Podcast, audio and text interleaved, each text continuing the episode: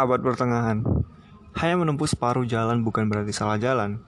Seminggu berlalu tanpa kabar dari Alberto Knox. Juga tidak ada kartu pos dari Lebanon Meskipun dia dan Joanna masih membicarakan kartu-kartu di gubuk sang mayor. Joanna tidak pernah setakut itu sebelumnya Tapi karena tidak ada lagi kejadian selanjutannya Rasa takutnya mulai menghilang dan tenggelam di telan pekerjaan rumah dan badminton Sophie membaca surat-surat Alberto berulang-ulang, mencari-cari petunjuk yang dapat memberikan penjelasan misteri Hilda.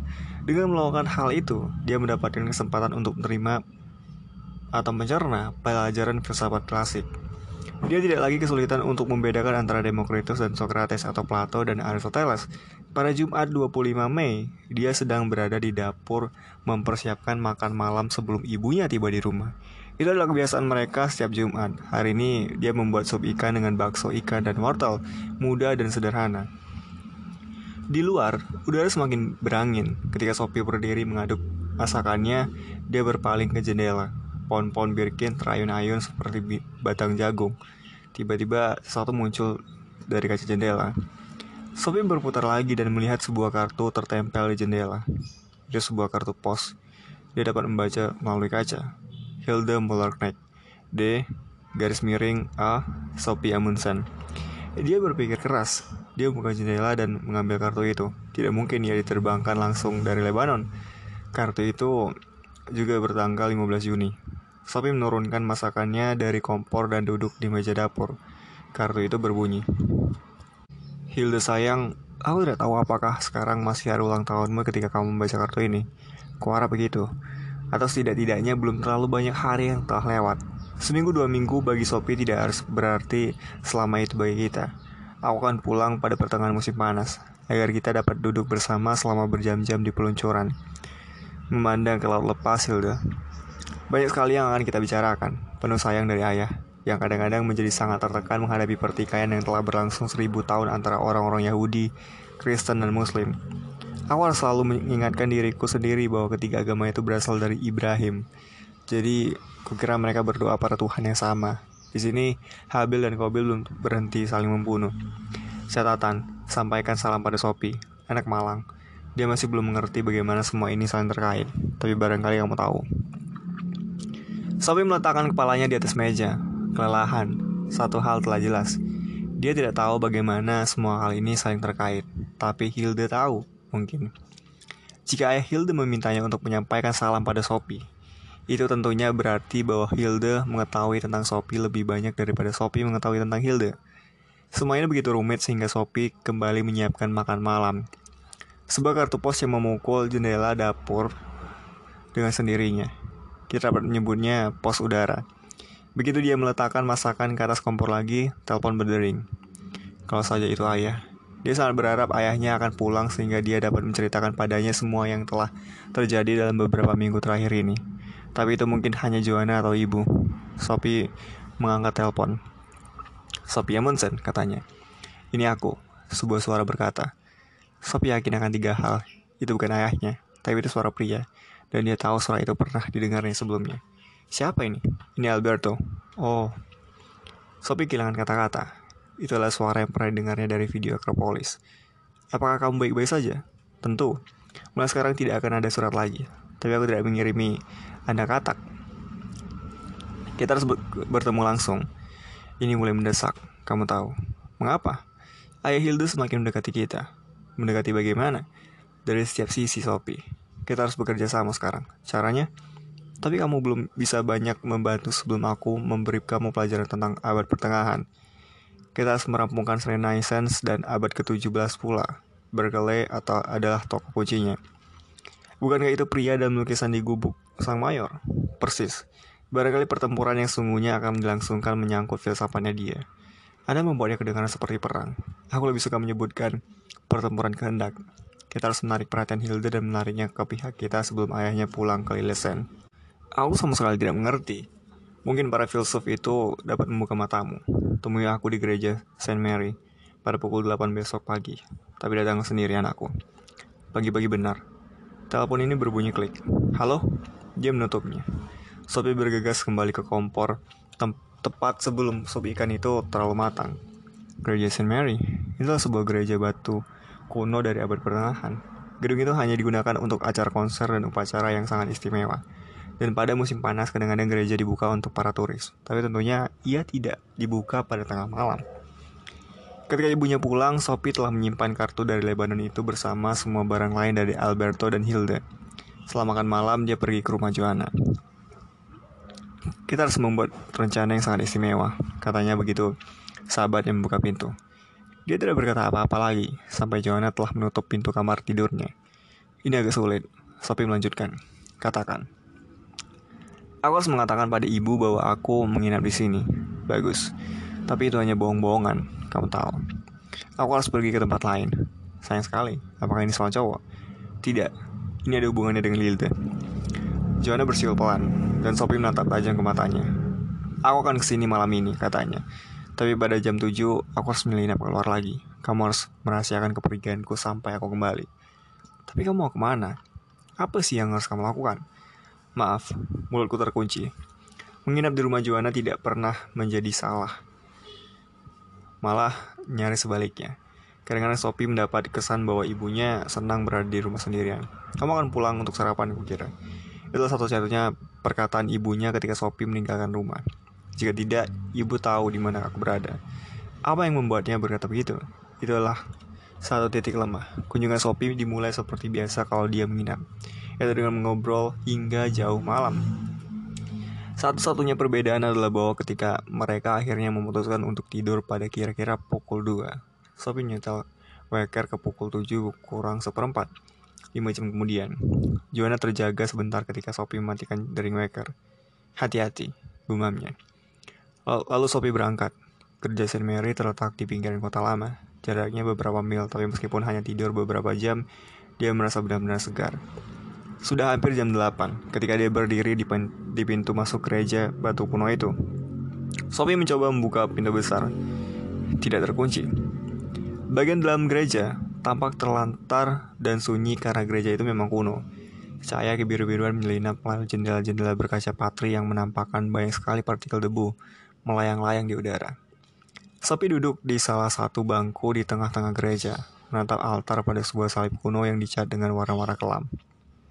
Beberapa menit berlalu, tiba-tiba organ mulai berbunyi. Sophie tidak berani melihat sekeliling. Suara itu terdengar seperti himne kuno, barangkali dari abad pertengahan. Lalu sunyi lagi. Kemudian dia mendengar langkah-langkah kaki mendekat dari belakangnya.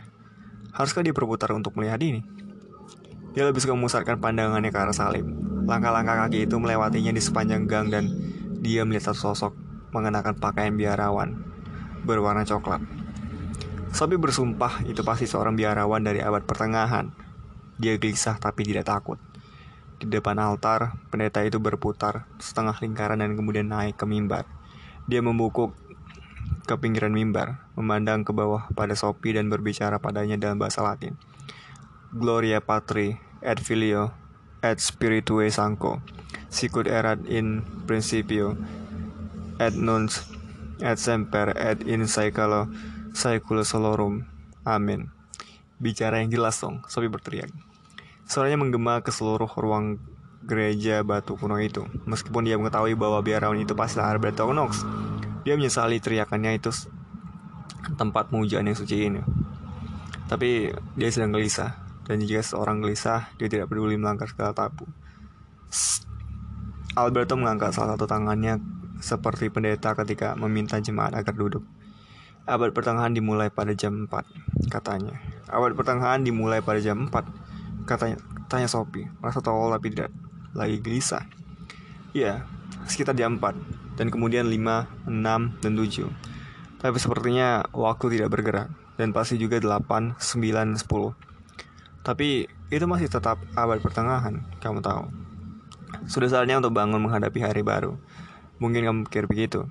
Ya, aku tahu maksudmu, tapi itu masih tetap hari Minggu. Satu hari Minggu panjang yang tak habis-habisnya, dan waktu berjalan ke jam 11, 12, dan 13. Inilah periode yang kita sebut puncak gotik, ketika katedral-katedral besar di Eropa dibangun, dan kemudian suatu saat, sekitar jam 14 atau jam 2 siang, seekor ayam jantan berkokok, dan abad pertengahan yang tak berkesudahan itu mulai surut. Jadi, abad pertengahan berlangsung selama 10 jam, kata Topi. Alberto menyeruak kepalanya keluar dari topi runcing biarawannya dan mengamati jemaatnya yang terdiri dari seorang gadis berusia 14 tahun. Jika setiap jam berarti 100 tahun ya, kita pasti dapat menganggap Yesus dilahirkan pada tengah malam. Paulus memulai perjalanan misionarisnya tepat sebelum lewat jam 1 pagi dan meninggal di Roma seperempat jam kemudian. Sekitar jam 3 pagi, gereja Kristen masih dilarang, tapi menjelang 313 Masehi, sudah menjadi agama yang diterima di Kekaisar, Kekaisaran Romawi. Itu terjadi pada masa pemerintahan Kaisar Konstantin. Kaisar suci itu sendiri pertama kali dibaptis di ranjang kematiannya bertahun-tahun kemudian. Sejak 380 Masehi, agama Kristen menjadi agama resmi di seluruh kekaisaran Romawi. Bukan kekaisaran Romawi jatuh. Memang sudah mulai hancur. Kita sedang berdiri di depan salah satu perubahan besar dalam sejarah kebudayaan. Romawi pada abad keempat mendapat ancaman dari bangsa barbar yang mendesak dari utara dan juga terancam perpecahan dari dalam. Pada 330 Masehi, Konstantin Agung memindahkan ibu kota kekaisaran dari Roma ke Konstantinopel, kota yang telah dibangunnya di dekat Laut Hitam. Banyak orang menggaram menganggap kota baru itu Roma kedua. Pada 395 Masehi, Kekaisaran Romawi terbagi dua. Kekaisaran Barat dengan dengan Roma sebagai pusatnya dan, dan Kekaisaran Timur dengan kota baru Konstantinopel sebagai ibu kota. Roma direbut oleh bangsa barbar pada 410 dan pada 476. Seluruh kekaisaran barat hancur. Kekaisaran timur tetap hidup sebagai satu negara hingga 1453 ketika bangsa Turki menaklukkan Konstantinopel. Dan namanya diubah menjadi Istanbul. Benar, Istanbul adalah namanya yang terakhir. Angka tahun lain yang harus kita catat adalah 529. Itulah tahun ketika gereja menutup Akademi Plato di Athena. Pada tahun yang sama, Ordo Benediktin Benediktin yang pertama di antara ordo-ordo monastik besar didirikan tahun 529 karenanya menjadi lambang bagaimana gereja Kristen menolak filsafat Yunani. Sejak itu, bicara memang biara memang memegang monopoli pendidikan, perenungan dan meditasi. Jam berdetik menuju angka 7.30. Sabi mengerti apa yang dimaksudkan Alberto dengan semua angka waktu itu. Tengah malam adalah tahun kosong, jam 1 adalah 100 tahun setelah kelahiran Kristus, jam 6 adalah 600 tahun setelah kelahiran Kristus, dan jam 14 adalah 1400 tahun setelah kelahiran Kristus. Alberto melanjutkan, awal pertengahan benar-benar seperti periode antara dua zaman yang berbeda. Ungkapan itu timbul pada zaman Renaissance, zaman kegelapan sebutan yang lain, dianggap sebagai satu malam sepanjang seribu tahun yang tak berkesudahan, yang telah menggonggong Eropa antara zaman Yunani kuno dan Renaissance. Kata medieval digunakan dalam arti negatif sekarang ini, mengenai segala sesuatu yang bersifat sewenang-wenang dan tidak luas. Tapi banyak ahli sejarah kini menganggap abad pertengahan sebagai periode seribu tahun pengencabahan dan pertumbuhan. Sistem sekolah misalnya dikembangkan pada abad pertengahan. Sekolah biara pertama dibuka sejak awal masa ini, dan sekolah katedral mengikutinya pada abad ke-12. Sekitar tahun 1200, universitas pertama didirikan, dan subjek-subjek ini diajarkan dikelompokkan ke dalam berbagai fakultas seperti sekarang. Seribu tahun itu benar-benar waktu yang lama. Ya, tapi agama Kristen membutuhkan waktu untuk meraih masa. Lagi pula pada abad pertengahan, berbagai negara bangsa mulai berdiri. Begitu juga kota-kota dan warga negara, musik rakyat dan cerita rakyat. Apa jadinya dongeng-dongeng dan lagu-lagu rakyat tanpa abad pertengahan? Bahkan apa jadinya Eropa? Sebuah provinsi Romawi barangkali. Namun gaung nama-nama seperti Inggris, Prancis, atau Jerman berasal dari dalam perairan abad pertengahan. Ada banyak ikan cemerlang yang berenang-renang seputar kedalaman itu, meskipun kita tidak selalu dapat melihat mereka. Snorri hidup pada abad pertengahan, gitu pula Saint Olaf dan Charlemagne belum lagi Romeo dan Juliet, John of Arc, Ivan Hu, peniup suling dari Hamelin, dan banyak pangeran besar dan raja yang agung. Para ksatria yang gagah berani dan gadis-gadis jelita, para pembuat kaca patri dan pembuat organ yang lihai. Dan aku bahkan belum menyebut para biarawan, mas pasukan perang salib atau penyihir. Anda juga tidak menyebut tentang pendeta. Benar, agama Kristen baru sampai di Norwegia pada abad ke-11 akan berlebihan jika dikatakan bahwa negeri-negeri Skandinavia memeluk agama Kristen secara serta-merta. Kepercayaan kuno penyembah berhala masih bertahan di balik wajah agama Kristen, dan banyak unsur Kristen ini menyatu dengan agama Kristen. Dalam perayaan Natal Skandinavia misalnya, adat istiadat Kristen dan Skandinavia lama tercampur aduk hingga hari ini, dan di sini peribahasa kuno pun berlaku bahwa mereka yang kawin semakin lama menjadi semakin mirip satu sama lain. Tak diragukan lagi bahwa agama Kristen lambat laun menjadi filosofi kehidupan yang paling berpengaruh. Karena itulah kita biasanya membicarakan abad pertengahan sebagai kekuatan pemersatu kebudayaan Kristen. Jadi tidak sepenuhnya suram ya. Abad-abad pertama setelah tahun 400 benar-benar merupakan kehancuran budaya. Periode Romawi mempunyai peradaban tinggi dengan kota-kota besar yang telah membangun saluran-saluran air, tempat-tempat mandi umum, dan banyak perpustakaan. Belum lagi arsitekturnya yang mengagumkan. Pada awal abad pertengahan, seluruh kebudayaan ini hancur, begitu pula perdagangan dan ekonominya. Pada abad pertengahan, orang-orang kembali pada pembayaran dengan barang sejenis atau sistem barter. Ekonomi ditandai dengan feodalisme, yang berarti bahwa sedikit orang dari kalangan bangsawan yang berkuasa memiliki tanah yang harus diolah oleh budak-budak agar mereka dapat hidup. Jumlah penduduk juga menurun tajam pada abad-abad pertama.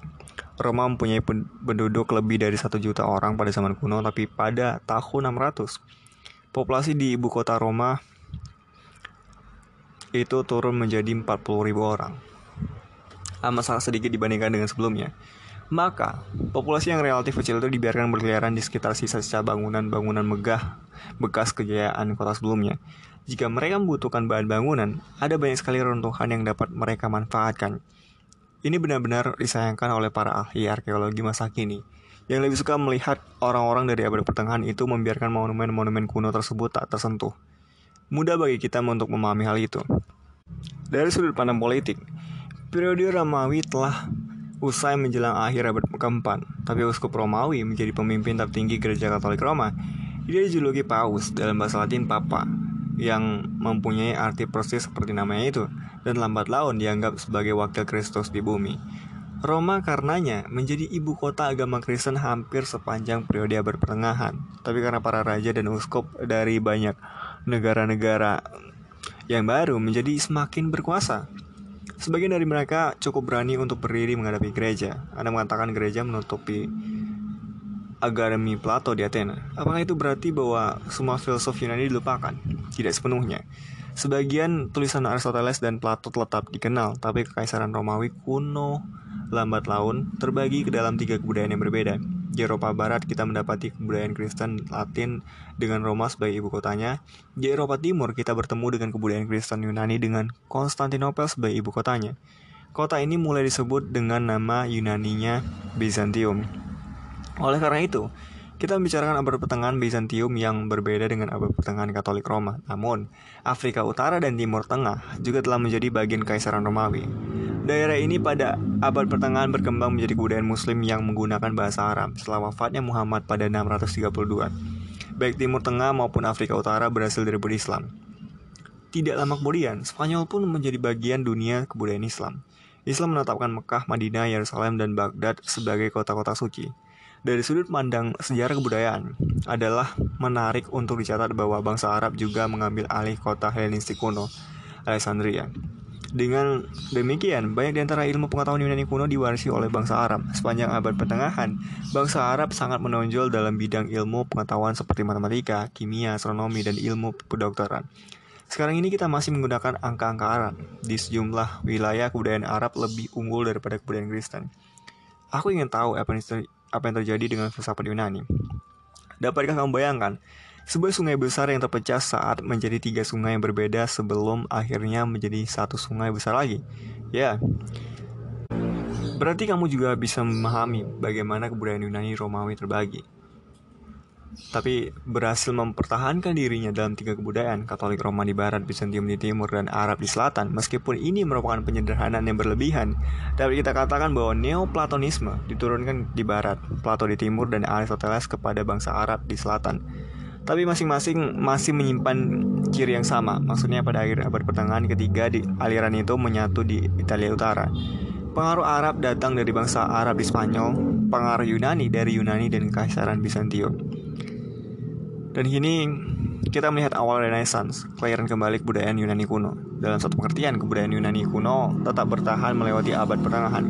Aku mengerti, tapi sebaiknya kita tidak mendahului jalannya berbagai peristiwa. Mula-mula kita harus membicarakan sedikit tentang filsafat abad pertengahan. Aku tidak akan berbicara dari mimbar ini lagi. Aku akan turun. Mata Sophie terasa berat karena kurang tidur. Ketika memandang biarawan aneh itu turun dari mimbar gereja St. Mary, dia merasa seakan sedang bermimpi. Alberto berjalan menuju rel altar. Dia mendongak ke arah altar dengan salib kunonya. Lalu dia berjalan pelan-pelan mendekati Sophie. Dia duduk di sampingnya di atas bangku gereja. Rasanya aneh sekali berada begitu dekat dengannya. Di bawah topi runcingnya, Sophie melihat sepasang mata coklat gelap. Mata itu milik seorang pria setengah umur dengan rambut gelap dan janggut agak lancip. Siapa engkau? Sophie bertanya-tanya, mengapa kau buat hidupku jungkir balik? Kita akan saling mengenal sedikit demi sedikit, kata pria itu. Seakan-akan dia dapat membaca pikiran Sophie. Ketika mereka duduk bersama, cahaya yang menyusup ke dalam gereja melalui jendela-jendela berkaca patri semakin terang. Alberto Knox mulai berbicara tentang filsafat abad pertengahan. Para filsuf abad pertengahan menerima nyaris dengan begini saja bahwa agama Kristen itu benar. Dia memulai Pertanyaannya adalah apa? Apakah kita semata-mata mempercayai wahyu Kristen atau apakah kita dapat melakukan pendekatan pada kebenaran-kebenaran Kristen dengan bantuan akal? Apa hubungannya antara para filsuf Yunani dan pernyataan-pernyataan dalam Bible? Apakah ada pertentangan antara Bible dan akal? Atau apakah iman dan pengetahuan itu bersesuaian? Hampir semua filsafat pada berpertengahan berkutat pada satu pertanyaan ini. Sophie mengangguk dengan tidak sabar. Dia telah sering mendengar ini dalam pelajaran agama di sekolahnya. Kita telah mengetahui bagaimana dua filsuf paling menonjol di abad pertengahan itu menghadapi pertanyaan ini, dan kita akan memulai dengan Saint Augustine yang hidup dari 354 hingga 430 Masehi. Dalam kehidupan satu orang ini, kita dapat mengamati transisi aktual zaman Yunani kuno menuju abad pertengahan. Agustin dilahirkan di kota kecil Tagaste di Afrika Utara. Pada usia 16, dia pergi ke Kartago untuk belajar. Kemudian dia mengadakan perjalanan ke Roma dan Milan dan menjalani tahun-tahun terakhir kehidupannya di kota Hippo. Beberapa mil sebelah barat Kartago, namun dia tidak sejak awal memeluk agama Kristen. Agustin mempelajari beberapa agama dan filsafat yang berbeda-beda sebelum menjadi pengamat penganut Kristen. Dapatkah Anda berikan beberapa contoh? Selama beberapa waktu, dia menjadi orang Manichaean. Manichaean adalah suatu sekte keagamaan yang sangat khas dari akhir zaman Yunani kuno. Doktrin mereka bersifat separuh agama dan separuh filsafat, dengan menegaskan bahwa dunia terdiri dari dualisme kebaikan dan kejahatan, terang dan gelap, ruh dan materi. Dengan ruhnya, manusia dapat naik melampaui dunia materi dan dengan jalan itu mempersiapkan keselamatan bagi jiwanya. Tapi pembagian tegas antara kebaikan dan kejahatan tidak memberikan ketenangan pikiran pada Agustin muda. Dia sepenuhnya tenggelam dalam apa yang disebutnya masalah kejahatan. Dengan ini yang dimaksudkan adalah pertanyaan dari mana asalnya kejahatan untuk saat dia terpengaruh oleh filsafat stoik. Menurut para penganut stoik, tidak ada pembagian tegas antara kebaikan dan kejahatan. Namun, kecenderungan utamanya adalah pada filsafat penting lain dari akhir zaman Yunani kuno, yaitu Neoplatonisme. Di sini kita bertemu dengan gagasan bahwa eksistensi itu bersifat ilahiyah, Lalu dia menjadi seorang uskup Neoplatonik. Ya, bisa kamu katakan begitu. Dia menjadi seorang Kristen dulu, tapi agama Kristen yang dianut Saint Augustine sangat dipengaruhi oleh gagasan-gagasan Plato. Dan karenanya, Sophie, karena itu kamu harus memahami bahwa tidak ada perpecahan dramatis dengan filsafat Yunani saat kita masuk abad pertengahan Kristen. Banyak filsafat Yunani terbawa-bawa ke dalam abad baru melalui bapak-bapak gereja seperti Saint Augustine. Maksud Anda, Saint Augustine itu setengah Kristen dan setengah Neoplatonik? Dia sendiri mengaku 100% Kristen meskipun dia tidak melihat kontradiksi antara agama Kristen dan filsafat Plato. Baginya, kesamaan antara Plato dan doktrin Kristen begitu jelas sehingga dia beranggapan Plato pasti telah memiliki pengetahuan tentang perjanjian lama. Ini tentu saja sangat mustahil. Lebih baik kita katakan bahwa Saint Augustine lah yang mengkristenkan Plato. Jadi, dia tidak meninggalkan apa pun yang ada kaitannya dengan filsafat ketika dia mulai mempercayai agama Kristen. Tidak, tapi dia mengemukakan bahwa ada batasan sejauh mana akal dapat membawa kita ke dalam masalah keagamaan. Agama Kristen adalah suatu misteri ilahi yang hanya dapat kita pahami melalui iman. Tapi jika kita percaya pada agama Kristen, Tuhan akan menyinari jiwa sehingga kita mendapatkan semacam pengetahuan alami tentang Tuhan. Saint Augustine setelah merasakan sendiri bahwa ada batasan sampai sejauh mana filsafat dapat melangkah. Setelah dia menjadi seorang penganut Kristen, barulah dia menemukan kedamaian dalam jiwanya. Hati tidak akan tenang sebelum berada dalam dirimu. Demikian tulisannya. Aku tidak benar-benar mengerti bagaimana gagasan-gagasan Plato dapat berjalan seiring dengan ajaran Kristen. Sophie mengajukan keberatan. Bagaimana dengan ide-ide abadi? Ya, San Agustin jelas mengatakan bahwa Tuhan menciptakan dunia dari ketiadaan, dan itu adalah gagasan dari Bible. Bangsa Yunani lebih menyukai gagasan bahwa dunia itu telah selalu ada. Tapi Saint Agustin percaya bahwa sebelum Tuhan menciptakan dunia, ide itu, ide-ide itu selalu ada di dalam benak ilahi. Maka dia menempatkan gagasan-gagasan Plato dalam diri Tuhan dan dengan cara itu mempertahankan pandangan Plato mengenai ide-ide abadi cerdik sekali. Tapi itu menunjukkan bahwa bukan hanya Saint Augustine, melainkan banyak pendeta gereja yang cenderung menengok ke belakang untuk menyatukan pemikiran Yunani dan Yahudi. Dalam pengertian tertentu, mereka memiliki dua kebudayaan. Agustin juga cenderung pada Neoplatonisme dalam pandangannya mengenai kejahatan. Dia percaya seperti Plotinus, bahwa kejahatan adalah ketiadaan Tuhan. Kejahatan itu tidak memiliki keberadaan yang mandiri, ia adalah sesuatu yang tidak ada. Sebab ciptaan Tuhan itu sungguhnya hanya kebaikan. Kejahatan berasal dari ketidakpatuhan manusia, menurut kepercayaan Agustin. Atau dalam kata-katanya sendiri, kehendak baik itu hasil karya Tuhan, kehendak jahat adalah akibat meninggalkan Tuhan. Apakah dia juga percaya bahwa manusia mempunyai jiwa ilahi? Ya dan tidak. Saint Agustin menyatakan bahwa ada suatu penghalang tak tertembus antara Tuhan dan dunia. Dalam hal ini, dia berdiri teguh di atas landasan Bible dengan menolak doktrin Plotinus bahwa segala sesuatu itu satu. Tapi dia juga menemukan bahwa manusia adalah makhluk spiritual. Dia memiliki badan material yang termasuk dalam dunia fisik yang dapat dirusak oleh ngengat dan karat. Tapi dia juga memiliki jiwa yang dapat mengenali Tuhan. Apa yang terjadi dengan jiwa ketika kita mati? Menurut Saint Augustine, seluruh manusia hilang setelah kejatuhan manusia. Tapi Tuhan memutuskan bahwa orang-orang tertentu harus diselamatkan dari kehancuran menyeluruh itu. Dalam hal itu, Tuhan pun telah memutuskan bahwa setiap orang harus diselamatkan. Sejauh menyangkut hal itu, Saint Augustine menyangkal bahwa manusia mempunyai hak untuk mengecam Tuhan dengan mengacu pada surat Paulus kepada jemaat di Roma. Wahai manusia, siapakah kalian hingga berani melawan Tuhan?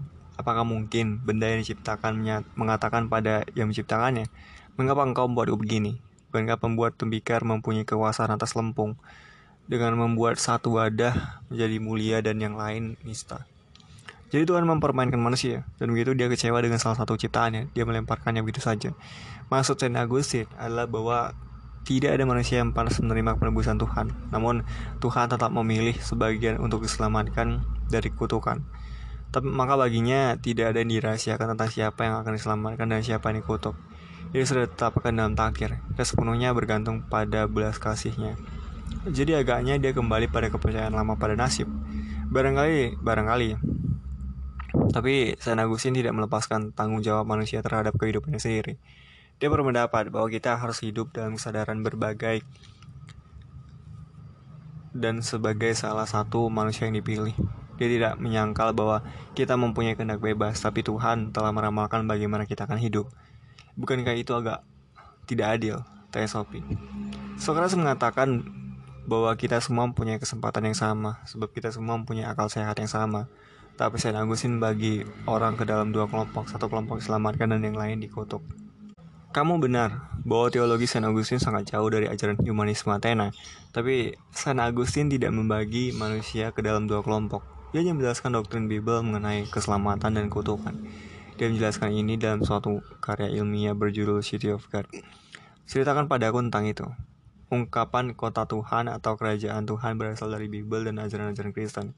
Saint Augustine percaya bahwa seluruh sejarah manusia berisi tentang pertempuran antara kerajaan, kerajaan Tuhan dan kerajaan dunia. Dua kerajaan itu bukanlah kerajaan politik yang berbeda satu sama lain. Mereka bertempur untuk dapat menguasai batin setiap manusia. Sekalipun demikian, kerajaan Tuhan kurang lebih diwakili oleh gereja, sedangkan kerajaan dunia oleh negara misalnya kekaisaran Romawi yang sedang mengalami kejatuhan di masa hidup San Agustin. Konsesi ini menjadi semakin jelas ketika gereja dan negara bertempur untuk meraih keunggulan sepanjang abad pertengahan. Tidak ada keselamatan di luar gereja. Demikian dikatakan waktu itu. City of God San Agustin akhirnya menjadi identik dengan gereja yang mapan.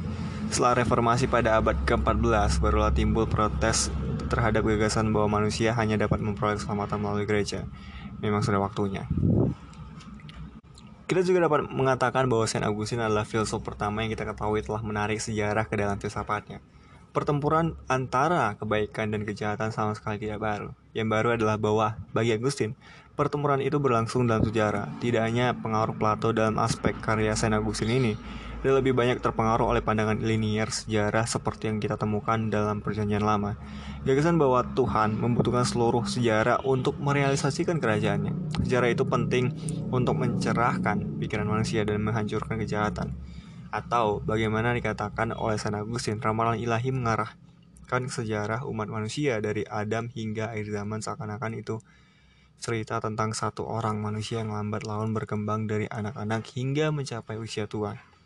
Sophie melirik jam tangannya. Sekarang jam 10 katanya. Aku harus segera pergi. Tapi mula-mula aku harus menceritakan padamu tentang filsuf besar abad pertengahan yang lain. Marilah duduk di luar. Alberto berdiri. Dia menyatukan kedua telapak tangannya dan mulai melangkah melewati gang.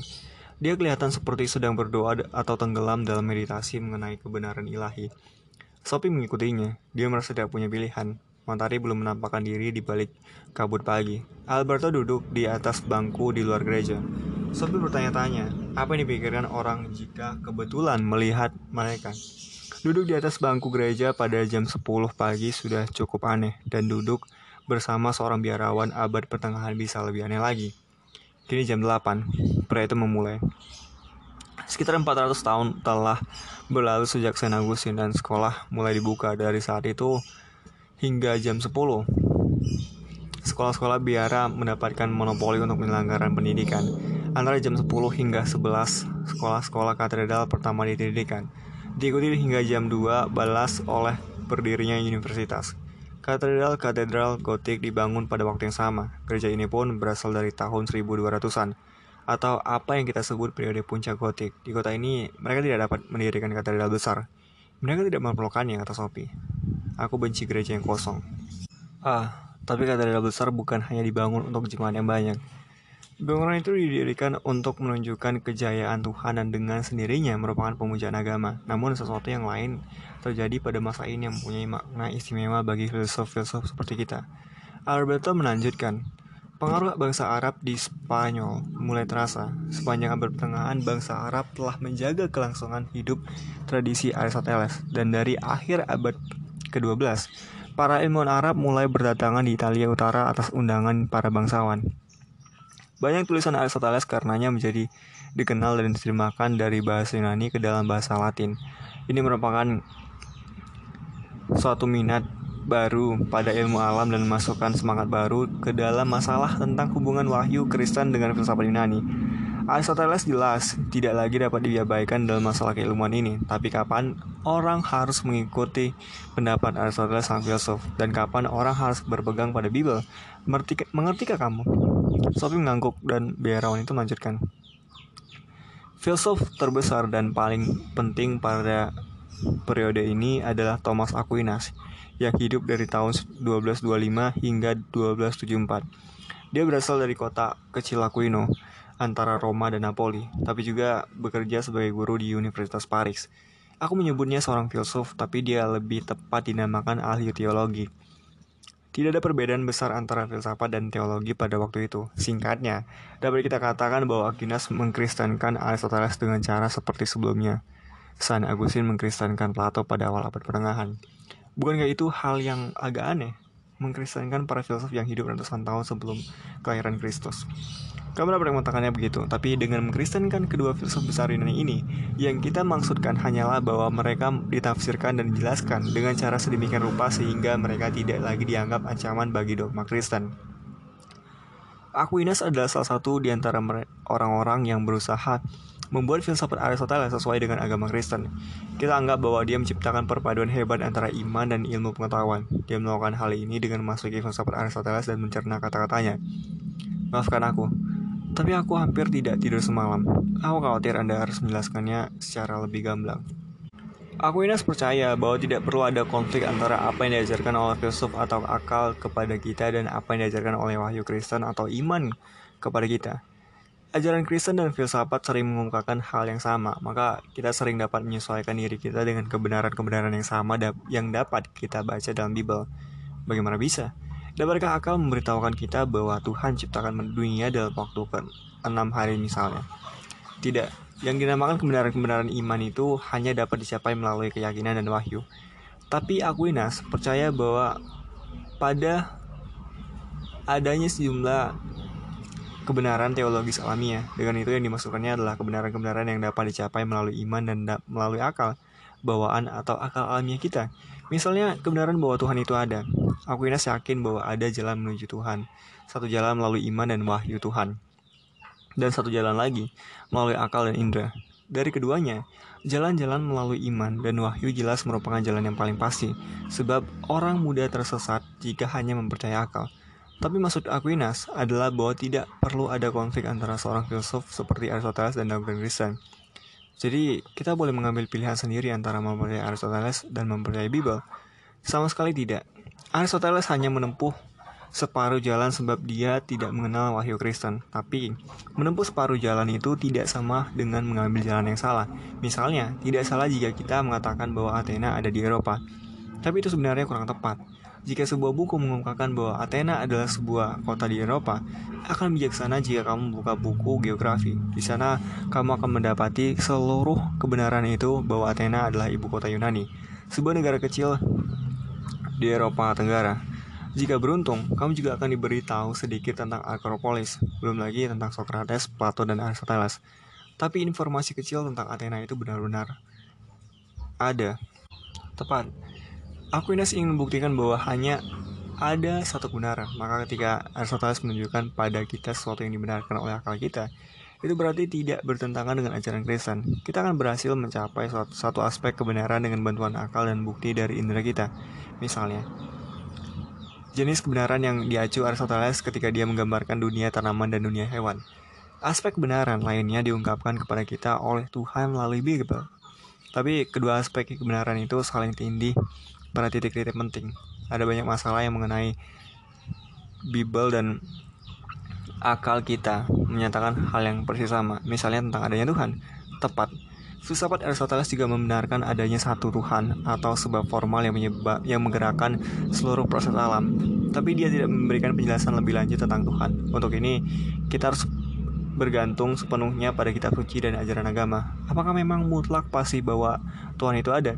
Itu dapat diperdebatkan tentu saja tapi bahkan pada zaman kita sekarang ini kebanyakan orang akan setuju bahwa akal manusia itu jelas tidak mampu membuktikan bahwa Tuhan itu tidak ada Aku ini melangkah lebih jauh. Dia percaya bahwa dia dapat membuktikan eksistensi Tuhan atas dasar filsafat Aristoteles. Bagus juga. Dengan akal, kita dapat mengetahui bahwa segala sesuatu di sekitar kita pastilah mempunyai sebab formal. Tuhan mengungkapkan dirinya kepada umat manusia melalui kitab suci dan juga melalui akal. Oleh karena itu, ada teologi iman dan teologi alam. Kemudian demikian pula awalnya dengan aspek moral. Kitab suci mengajarkan kepada kita cara menjalani kehidupan. Tapi Tuhan juga memberi kita suatu kesadaran yang memungkinkan kita untuk membedakan antara yang benar dan yang salah atas dasar alam. Oleh karena itu ada dua jalan menuju kehidupan moral. Kita tahu bahwa kita salah jika mencelakakan orang.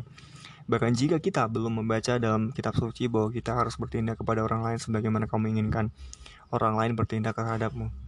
Di sini pun tuntutan yang paling pasti adalah mengikuti perintah kitab. Kukira aku dapat mengerti, kata Sophie dari sekarang. Itu nyaris seperti bagaimana kita tahu sedang ada hujan angin dengan melihat adanya kilat menyambar dan dengan mendengar suara guntur. Benar sekali, kita dapat mendengar suara guntur bahkan jika kita buta. Dan kita dapat melihat kilat menyambar bahkan jika kita tuli, memang yang paling baik adalah apabila kita dapat melihat dan mendengar, tentu saja. Tapi tidak ada pertentangan antara apa yang kita lihat dan apa yang kita dengar. Sebaiknya dan sebaliknya, kedua pesan itu saling menguatkan. Aku mengerti, biar aku tambahkan sebuah gambaran lain. Jika kamu membaca novel karya John Steinbeck of Mice and Men misalnya, Aku telah membacanya sungguh. Tidakkah kamu merasa bahwa kamu mengetahui sesuatu tentang pengarangnya hanya dengan membaca bukunya? Aku menyadari memang ada kepribadian dari orang yang menulisnya. Hanya itukah yang kamu ketahui tentang dia? Tampaknya dia sangat mempedulikan orang-orang luar. Jika kamu membaca buku ini, yang merupakan hasil ciptaan Steinbeck, kamu juga jadi tahu bahwa sesuatu mengenai sifat Steinbeck, tapi kamu tidak dapat berharap untuk memperoleh informasi pribadi tentang sang pengarang. Dapatkah kamu mengetahui dengan membaca Of Mice and Men berapa umur sang pengarang ketika dia menulisnya, di mana dia tinggal atau berapa banyak anak yang dimilikinya? Tentu saja tidak, tapi kamu dapat menemukan ini dalam biografi, biografi tentang John Steinbeck. Hanya dalam biografi atau autobiografi sajalah kamu dapat lebih mengenal Steinbeck orangnya. Itu benar. Kira-kira begitulah kaitan antara ciptaan Tuhan dan kitab suci. Kita dapat mengetahui adanya Tuhan hanya dengan berjalan mengelilingi alam kita dapat dengan mudah mengetahui bagaimana dia mencintai tanaman dan binatang, sebab jika tidak, dia tidak akan menciptakannya. Tapi informasi tentang Tuhan itu sendiri hanya terdapat dalam kitab atau autobiografi Tuhan. Jika kamu suka istilah itu, Anda pintar memberikan contoh. Hmm. Untuk pertama kalinya, Alberto hanya duduk di sana sambil berpikir tanpa menjawab. Apakah kamu ini ada kaitannya dengan Hilda? Sophie tidak dapat menahan diri untuk bertanya. Kita tidak tahu apakah Hilda itu memang ada, tapi kita tahu seorang sedang menyusun bukti mengenai keberadaannya di suatu tempat. Kartu pos, selendang sutra, dompet hijau, kos kaki. Alberto mengangguk, dan tampaknya seakan-akan ayah Hildelah yang memutuskan beberapa banyak isyarat yang akan dibuatnya. Katanya, sebab sekarang yang kita tahu hanyalah bahwa seseorang mengirim kita banyak kartu pos. Kuharap dia juga akan menulis sesuatu tentang dirinya sendiri. Tapi kita akan kembali pada hal itu nanti. Kini sudah jam 11 kurang seperempat. Aku harus tiba di rumah sebelum akhir abad pertengahan. Aku akan menarik kesimpulan dengan beberapa patah kata tentang bagaimana Aquinas memasukkan filsafat Aristoteles ke dalam semua bidang yang tidak bertabrakan dengan teologi gereja. Ini termasuk logikanya, teorinya tentang pengetahuan dan yang tidak kalah penting adalah filsafat alamnya. Apakah kamu ingat misalnya bagaimana Aristoteles menggambarkan skala progresif kehidupan dari tanaman dan binatang hingga manusia? Sophie mengangguk. Aristoteles percaya bahwa segala ini menunjukkan bahwa Tuhan merupakan eksistensi maksimum.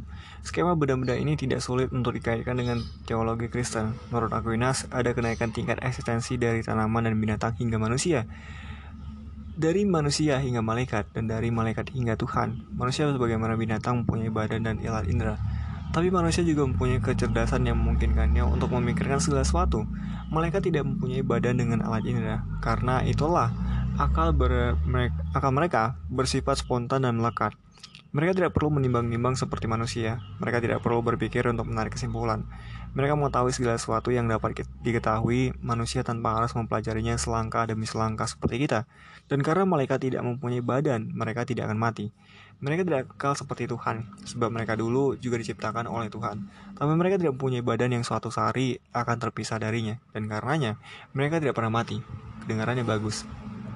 Tapi jauh di atas para malaikat, Tuhan berkuasa Sopi. Dia dapat melihat dan mengetahui segalanya dengan hanya satu penampakan tunggal. Tapi dia dapat melihat kita sekarang. Ya, barangkali bisa. Tapi tidak sekarang, sebab bagi Tuhan, waktu itu tidak sebagaimana kita memahaminya. Kini kita bukanlah kininya Tuhan, sebab berminggu-minggu telah melewati kita, tapi tidak bagi Tuhan. Itu curang, seru Sophie.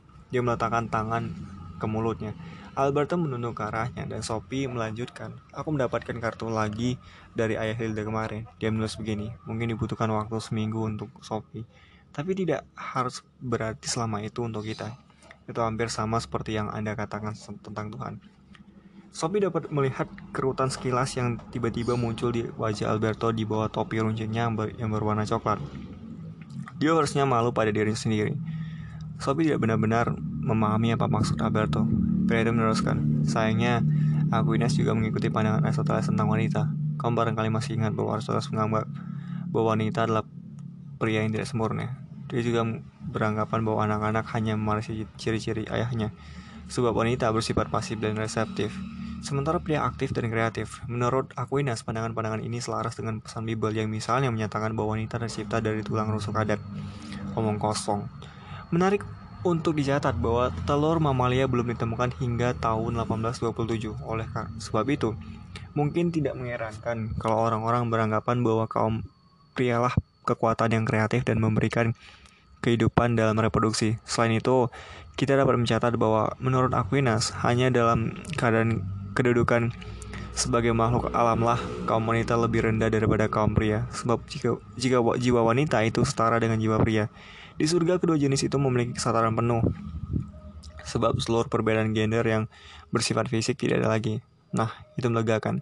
Apakah tidak ada filsuf wanita pada abad pertengahan? Kehidupan gereja pada abad pertengahan sangat didominasi oleh kaum pria, tapi itu bukan berarti bahwa waktu itu tidak ada ahli pikir wanita. Salah seorang di antaranya adalah Hildegard dari Bingen. Mata Sophie melebar. Apakah itu ada hubungan dengan Hilda? Pertanyaan hebat. Hildegard hidup sebagai seorang biarawati di lembah Rhine dari 1088 hingga 1179. Meskipun wanita, dia bekerja sebagai pengkhotbah, pengarang, dokter, ahli botani, dan ahli ilmu alam. Dia contoh dari kenyataan bahwa komunitas sering kali lebih praktis bahkan lebih ilmiah pada abad pertengahan. Tapi bagaimana dengan Hilda? Ada kepercayaan kuno dari ajaran Kristen dan Yahudi bahwa Tuhan bukan hanya seorang pria. Dia juga memiliki sisi kewanitaan atau watak keibuan. Kaum wanita pun diciptakan seperti Tuhan. Dalam bahasa Yunani, sisi kewanitaan dari Tuhan ini dinamakan Sophia. Sophia atau Sophis seperti kebijaksanaan. Kebijaksanaan. Sophia menggelengkan kepalanya dengan pasrah. Mengapa tidak ada yang mengatakan hal itu padanya? dan mengapa dia tidak pernah bertanya. Alberto melanjutkan, Sophia atau watak keibuan Tuhan mempunyai makna penting bagi bangsa Yahudi maupun gereja Ortodoks Yunani sepanjang abad pertengahan. Di barat dia dilupakan, tapi kemudian datanglah Hildegard. Sophia muncul di hadapannya dalam suatu penampakan mengenakan tunik keemasan yang dihiasi permata, permata mahal. Sophie berdiri, Sophia telah memperlihatkan dirinya di hadapan Hildegard dalam suatu penampakan. Mungkin aku akan tampil di depan Hilda. Dia duduk lagi. Untuk ketiga kalinya Alberto meletakkan tangannya di atas bawah garis itu. Kita lihat apa yang akan terjadi nanti. Tapi ini sudah lewat jam 11, kamu harus pulang. Dan kita akan mendekati era baru. Aku akan mengundangmu untuk pertemuan mengenai Renaissance. Hermes akan datang menjemputmu di taman. Setelah itu, si biarawan aneh bangkit dan mulai berjalan menuju gereja. Sophie tetap berada di tempatnya semula, memikirkan Hildegard dan Sophia, Hilda dan Sophie. Tiba-tiba dia melompat, bangun dan mengejar filsuf berpakaian pendeta itu dan berseru. Apakah ada juga seorang Alberto pada abad pertengahan? Alberto agak melambatkan langkahnya, memutar kepalanya sedikit dan berkata, Aquinas mempunyai seseorang guru filsafat terkenal yang bernama Albert yang agung. Dengan itu, dia menundukkan kepalanya dan lenyap ke dalam pintu gereja St. Mary. Sophie tidak puas dengan jawabannya. Dia mengikutinya ke dalam gereja, tapi gereja itu kini sama sekali kosong. Apakah dia pergi menembus lantai? Tepat ketika akan meninggalkan gereja, dia melihat sebuah lukisan Madonna. Dia mendatanginya dan mengamatinya dengan cermat. Tiba-tiba, dia menemukan setetes air di bawah salah satu mata Madonna. Apakah itu air mata? Sophie berlari keluar gereja dan bergegas kembali ke rumah Joanna.